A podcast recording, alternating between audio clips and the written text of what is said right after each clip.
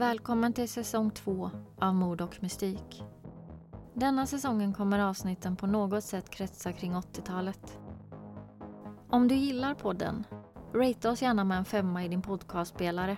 Eller ännu hellre, lämna en recension och tipsa någon om podden. Om du vill rekommendera fall eller komma i kontakt med oss finns vi på Instagram där vi heter Mord och mystik.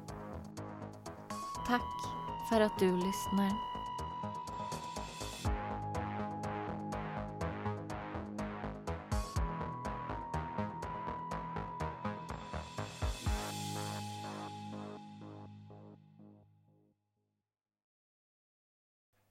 40 years, mystery and misery have been uncomfortable partners in this nagging, unsolved Chicago crime. Seven people dead in 24 hours after doing something most of us have done take a painkiller capsule.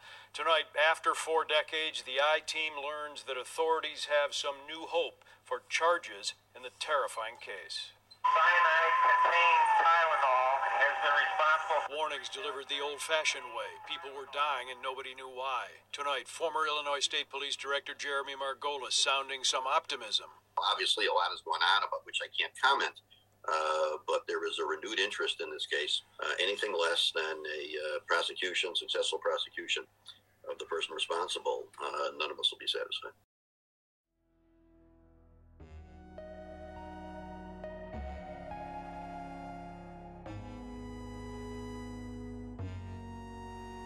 Tylenolmorden som inträffade i Chicagoområdet i USA år 1982 utgör en mörk och gåtfull period i kriminalhistorien.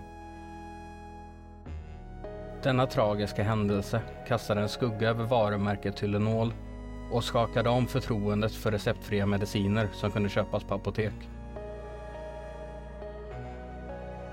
Den 29 september 1982 drabbades sju personer plötsligt av en dödlig förgiftning efter att ha konsumerat Tylenolkapslar som hade manipulerats med cyanid. Det som följde blev en av de mest omfattande och komplexa brottsutredningarna i USAs historia och kom att inte bara påverka de direkta offren och deras familjer utan även läkemedelsindustrin och skapa en ihållande rädsla hos personer som befarade att själva bli förgiftade av vardagliga produkter i många år framöver.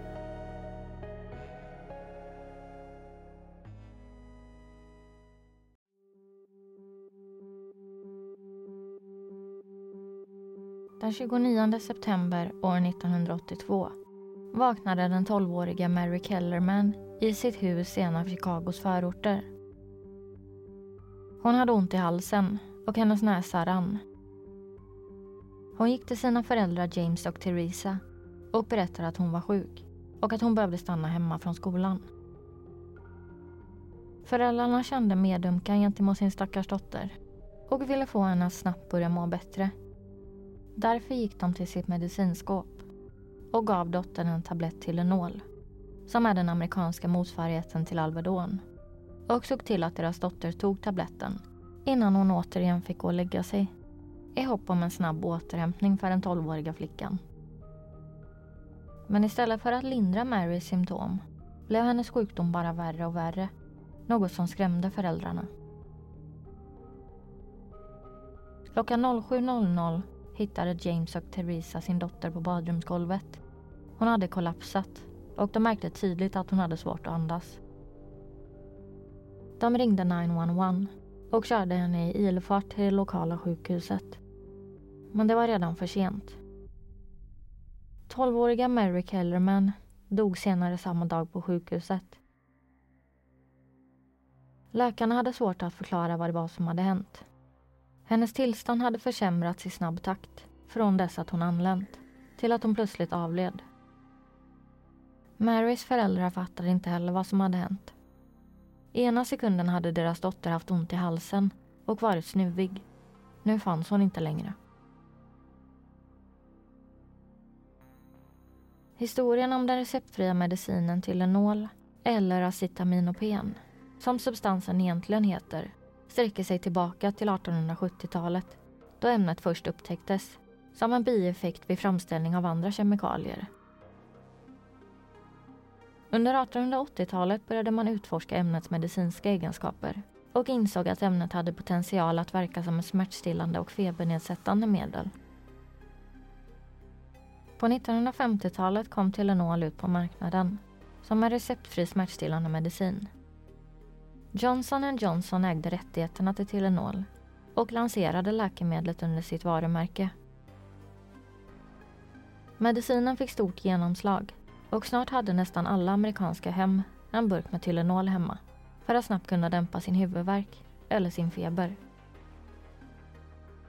Men trots dess popularitet och framgångar är användandet av Tylenol inte helt utan risker. En överdos av ämnet acetaminophen kan leda till allvarliga leverskador och det krävs därför att man är noga med doseringen av läkemedlet. Dessutom har diskussioner om säkerheten för receptfria mediciner intensifierat efter händelserna år 1982 som kom att få namnet Tylenolmorden. För att förhindra liknande händelser genomgick Tylenol flera förändringar åren efter 1982.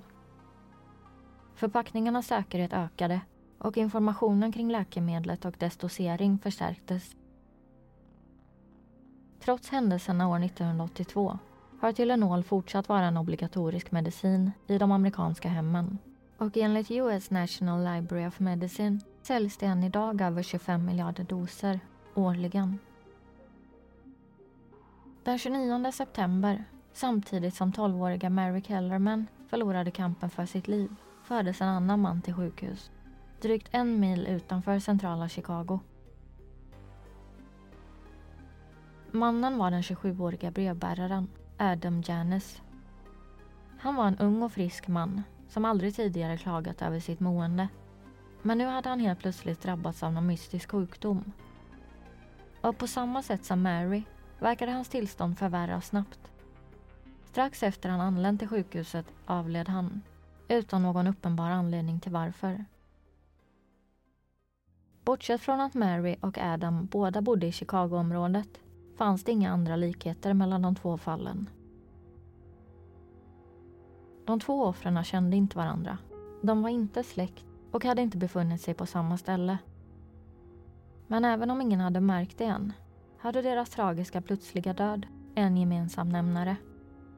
Och för familjen Janus var inte Adams död den enda tragedin som kom att drabba familjen denna dagen. Den 29 september klockan 17 bara fem timmar efter Adam Janus dött samlades hans familj i hans hus för att tillsammans försöka förstå vad som hänt och börja planera 27-åringens begravning. Men vid sammankomsten kollapsade plötsligt Adams bror Stanley och hans svägerska Theresa. Båda två kom att avlida strax efter de insjuknat efter att deras tillstånd snabbt gått från milda till livshotande. Familjen Janes hade nu drabbats av tre mystiska dödsfall under en och samma dag. Något som fick utredarna att uppmärksamma de märkliga dödsfallen som nu verkade börja drabba staden. Dagen som börjat som vilken annan dag som helst fortsatte utvecklas till en dag av skräck. Överallt i Chicagoområdet började det komma in rapporter om hur folk plötsligt kollapsat med andningssvårigheter och behövt skyndas till sjukhus. Klockan 15.45 svimmar 27-åriga Mary Ryan framför sin man efter att tidigare under dagen klagat över en mild huvudvärk. 18.30 efter att ha berättat för sina kollegor om sin huvudvärk hittas 31-åriga Mary McFarland liggandes medvetslös på golvet med tydliga andningssvårigheter. I slutet av dagen den 29 september år 1982 hade fyra personer redan dött under mystiska omständigheter och dagen efter avled ytterligare två personer som legat i respirator under natten. Dag tre hade sju personer dött. Samtliga hade fram till sin död varit friska och ingen i deras närhet kunde förstå hur de kunde insjukna och dö så plötsligt. Läkarna i Chicago började undersöka kropparna i hopp om att förstå vad det var som hade hänt. Man tittade extra noga på familjen Janis eftersom tre personer i en och samma familj hade insjuknat med samma symptom och sen avlidit. Resten av familjen blev satta i karantän för observation då man tänkte att de kanske var smittade av någon typ av sjukdom. Den initiala misstanken var att familjen kunde ha drabbats av kolmonoxidförgiftning eftersom alla de drabbade hade vistats på samma ställe. Symptomen vid denna typ av förgiftning är yrsel, andfåddhet och huvudvärk. Och vid höga doser kan det leda till medvetslöshet eller till och med död. Därför undersöktes huset för att se om något där inne möjligen läckte gas, som till exempel spisen eller ugnen. Men ingenting hittades. Dessutom verkade de övriga familjemedlemmarna som befunnit sig i huset och som nu satt i karantän vara helt friska, vilket talade emot teorin. En av sjuksköterskorna som var med och undersökte familjen Janice, vid namn Helen Jensen, var den första som tyckte sig se ett samband mellan offren. Hon hade tillsammans med några utredare besökt familjens hus för att se om de kunde hitta något som orsakat dödsfallen. Och där upptäckte hon en öppnad burk Tylenol i medicinskåpet som saknade sex tabletter. Hon hittade också kvittot till medicinen i papperskorgen i badrummet som visade att burken som egentligen skulle ha innehållit 30 tabletter hade köpts tidigare samma dag. När hon framförde sina misstankar blev hon direkt avfärdad av poliserna på platsen som menade att sex tabletter omöjligt kunde ha dödat tre vuxna individer. Men även om ingen trodde på henne sa Helens magkänsla att hon var något på spåren. Och dagen efter kontaktade hon företaget som tillverkade Tylenol, Johnson Johnson och berättade att hon trodde att tabletterna på något sätt kunde ha orsakat sju människors plötsliga död. Hon ringde också Chicagopolisen för att berätta samma sak och menade att de måste hjälpa till att få medicinen att tas ner från hyllorna omedelbart. Trots att Helen vid tidpunkten kände att hon var ensam i kampen om att få bort Tylenol från alla butikerna så fanns det en annan man vid namn Nick Pichos som jobbade som utredare vid Cook County Medical Examiners Office som också börjat utreda vad som kan ha hänt och vad offren kan ha haft gemensamt. Strax efter att 12-åriga Mary Kellerman avlidit hade han blivit meddelad om detta och han begärde en obduktion av hennes kropp på grund av hennes låga ålder. Senare samma dag, när han fick reda på att tre personer från samma familj hade dött med liknande symptom som Mary uppvisat misstänkte han direkt att de fyra dödsfallen kunde ha ett samband. Han undersökte Marys död noggrannare och fick då reda på att hon tagit en tablett Tylenol strax innan hon dött. Därför bestämde han sig för att ringa till polisen i Elk Grove för att fråga om de hade tagit medicinen i beslag, vilket de hade. Han bad dem att jämföra burken med den som de tagit i beslag från Janus-familjen. När man jämförde de båda medicinburkarna insåg man att produktionsnumret på de båda förpackningarna var samma. MC 2880. Alltså hade de äntligen hittat ett samband mellan de fyra dödsfallen. När man fortsatte undersökningen insåg man att tabletterna i de två burkarna luktade märkligt. Istället för att vara helt doftfria luktade de bittermandel. Utredarna tog kontakt med en överläkare och berättade om den besynnerliga doften och fick då reda på att det var doften av cyanid de känt. När de fick höra detta skickade de genast in medicinen för analys. Och natten till den 30 september kom resultatet in. Sjuksköterskan Helen Jensen och utredaren Nick Pichos hade haft rätt. Telenolkapslarna visade sig innehålla 65 mg cyanid vilket motsvarar mer än tusen gånger den dödliga dosen för en vuxen person. Företaget bakom Tylenol, Johnson Johnson, kontaktades och de agerade snabbt och återkallade samtliga Tylenolburkar i hela USA, vilket var totalt 31 miljoner förpackningar till ett värde av 100 miljoner dollar. När nyheten om den cyanidspetsade medicinen spreds fick folk över hela landet snabbt panik. Ingen visste om förgiftningarna enbart skett i Chicago eller om flera ställen drabbats och oroliga personer började ringa in till sina lokala sjukhus i panik då de redan tagit medicinen och ville veta hur de skulle veta om de hade blivit förgiftade. Men till allas lättnad verkade det som om förgiftningarna avtagit i antal lika plötsligt som de uppkommit. Under de kommande veckorna var nyheten om den förgiftade medicinen det enda folk pratade om. Framförallt i Chicago, där samtliga hade drabbats. Vem kunde ha gjort något så ondskefullt? Och varför hade just Tylenol förgiftats? När man undersökte de andra dödsfallen visade det sig att manipuleringen av medicinen inte skett under tillverkningen.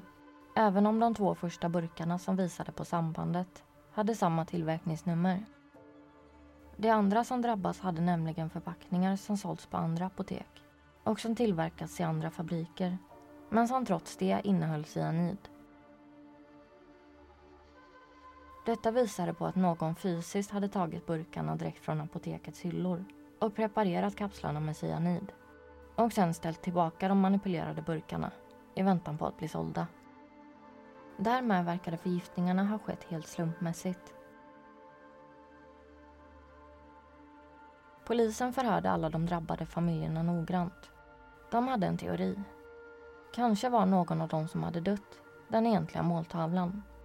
Och resterande förgiftningar kanske skett för att dölja det egentliga motivet bakom mordet.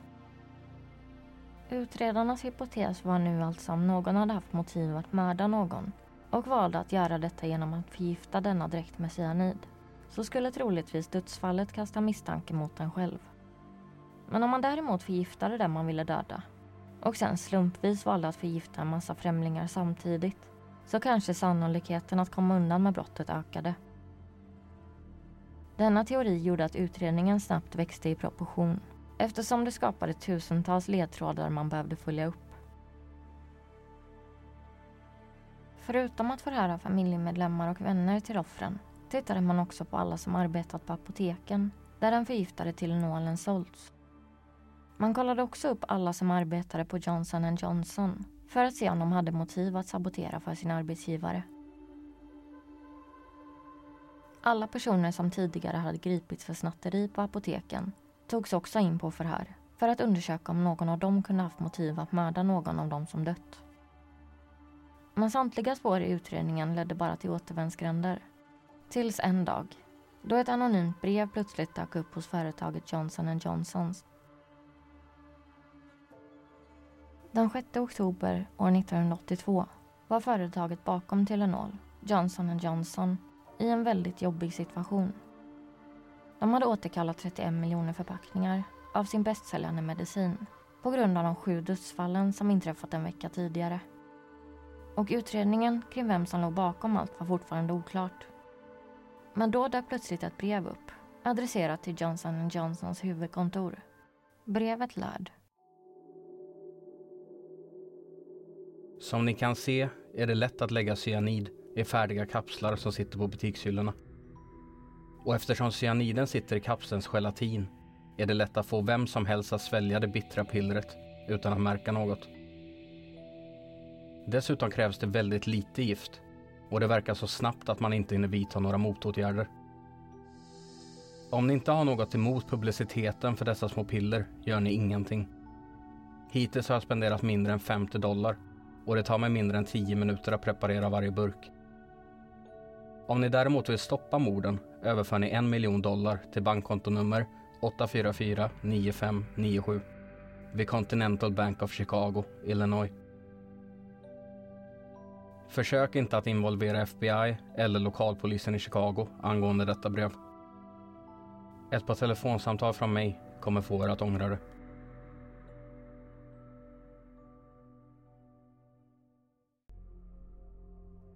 Till skillnad från vad brevskrivaren själv önskat kontaktade Johnson Johnson direkt polisen angående brevet.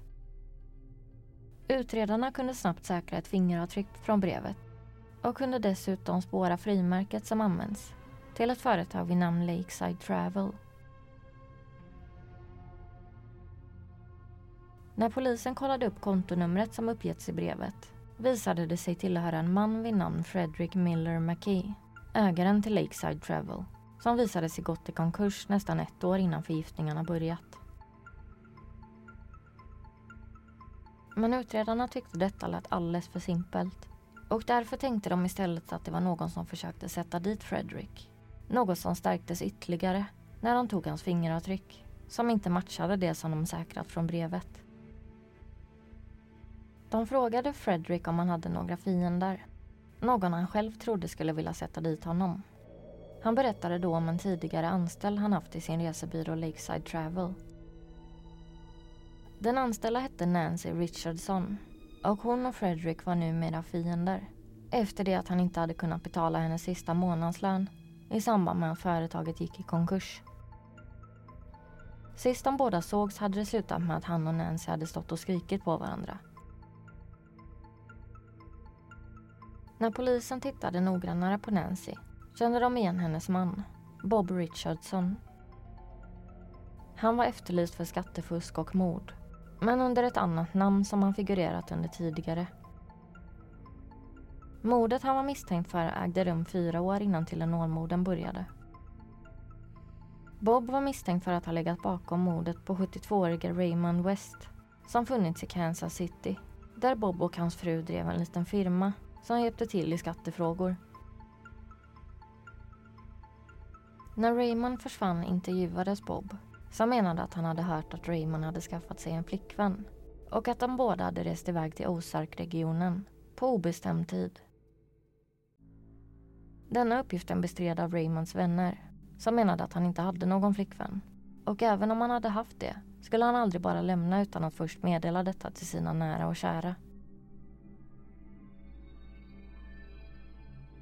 Några veckor efter sitt försvinnande återfanns Raymonds kropp på vinden i hans hus. Efter dess att grannar ringt in och klagat över en obehaglig doft som känns av i området. Han hade blivit mördad och styckad och poliserna som var först på plats beskriver fyndplatsen som något tagen ur en skräckfilm. Bob blev direkt misstänkt för mordet på grund av hans nära kontakt med Raymond innan dess att 72-åringen försvann och hans berättelse som motsats av samtliga i Raymonds närhet. Man lyckades säkra bevis som visade att Bob överfört 5 000 dollar till sig själv från Raymond Wests bankkonto den 23 juli år 1978 samma dag som Raymond försvunnit. Trots bevisningen släpptes Bob senare på fri fot på grund av en teknikalitet kring bevishanteringen i fallet. Och en kort tid efter han släppts flyttade han och hans fru. Båda två bytte namn och anställs senare av Frederick McKay i hans resebyrå Lakeside Travel. Med denna bakgrund blev genast Bob och Nancy huvudmisstänkta för Tylenolmorden men det fanns ett problem. Vid tidpunkten för förgiftningarna befann de sig över 100 mil från Chicago. Och eftersom den som manipulerat förpackningarna måste befunnit sig fysiskt på plats i butikerna verkade det utesluta Bob och Nancy som potentiella gärningspersoner. Däremot visade det sig att de var skyldiga för att ha försökt sätta dit Nancys tidigare arbetsgivare Frederick McKay för Tylenolmorden.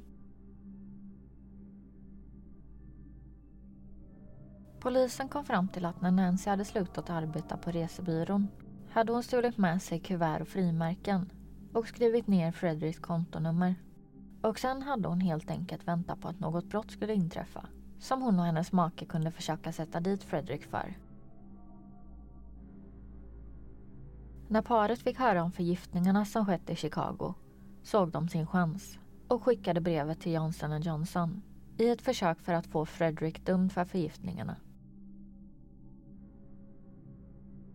Bob och Nancy flyttade återigen och bytte namn. Men Bob greps till slut den 30 september år 1982 för att ha försökt sätta dit Frederick McKay för Tylenolmorden.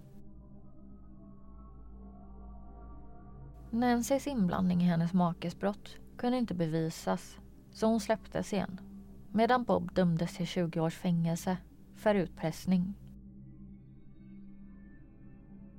År 1995 släpptes han villkorligt efter att ha avtjänat 13 år av sitt straff.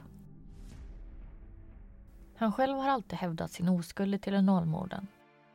Men många tror än idag att han på något sätt legat bakom förgiftningarna. och många trodde felaktigt att han satt i fängelse på grund av Tylenolförgiftningarna. Något som ytterligare försämrade hans redan dåliga rykte. Bob Richardson var den som var huvudmisstänkt i Tylenolmorden trots att det bedöms vara mycket osannolikt att han är den faktiska personen bakom förgiftningarna. Vid tidpunkten för morden var han för långt bort från platsen för att fysiskt ha kunnat manipulera förpackningarna och hans motiv kring utpressningen verkar huvudsakligen kretsat kring att försöka hämnas på sin frus förra arbetsgivare snarare än att begå sju mord på slumpvis valda offer. Och trots att Bob inte varit den enda misstänkta är Telenormorden än idag, 41 år senare, fortfarande olösta. Tylenolmodern visar på den potentiella faran som kan uppstå när någon väljer att manipulera produkter som är tänkta att säljas och förtäras. Och tyvärr är Tylenolmodern inte den enda gången som denna typ av förgiftningar med dödlig utgång har skett. En annan känd incident som också skedde på 80-talet är de så kallade läskautomatmorden som ägde rum i Japan där det under en period av fyra år rapporterades om flera fall där människor blivit sjuka efter att ha konsumerat drycker från läskautomater. Även i detta fall visade det sig att någon tillsatt cyanid i dryckerna som såldes i automaterna. Flera personer dog och många andra skadades allvarligt. Och även detta fall har förblivit olöst. Svårigheterna med att utreda denna typen av brott har gjort att gärningsmannen i dessa fall gått fria. Men en liten ljusglimt i dessa annars tragiska människoöden är att incidenter som dessa lett till ökade säkerhetsåtgärder. Vilket i sin tur gjort att nya incidenter som dessa är än mer sällsynta.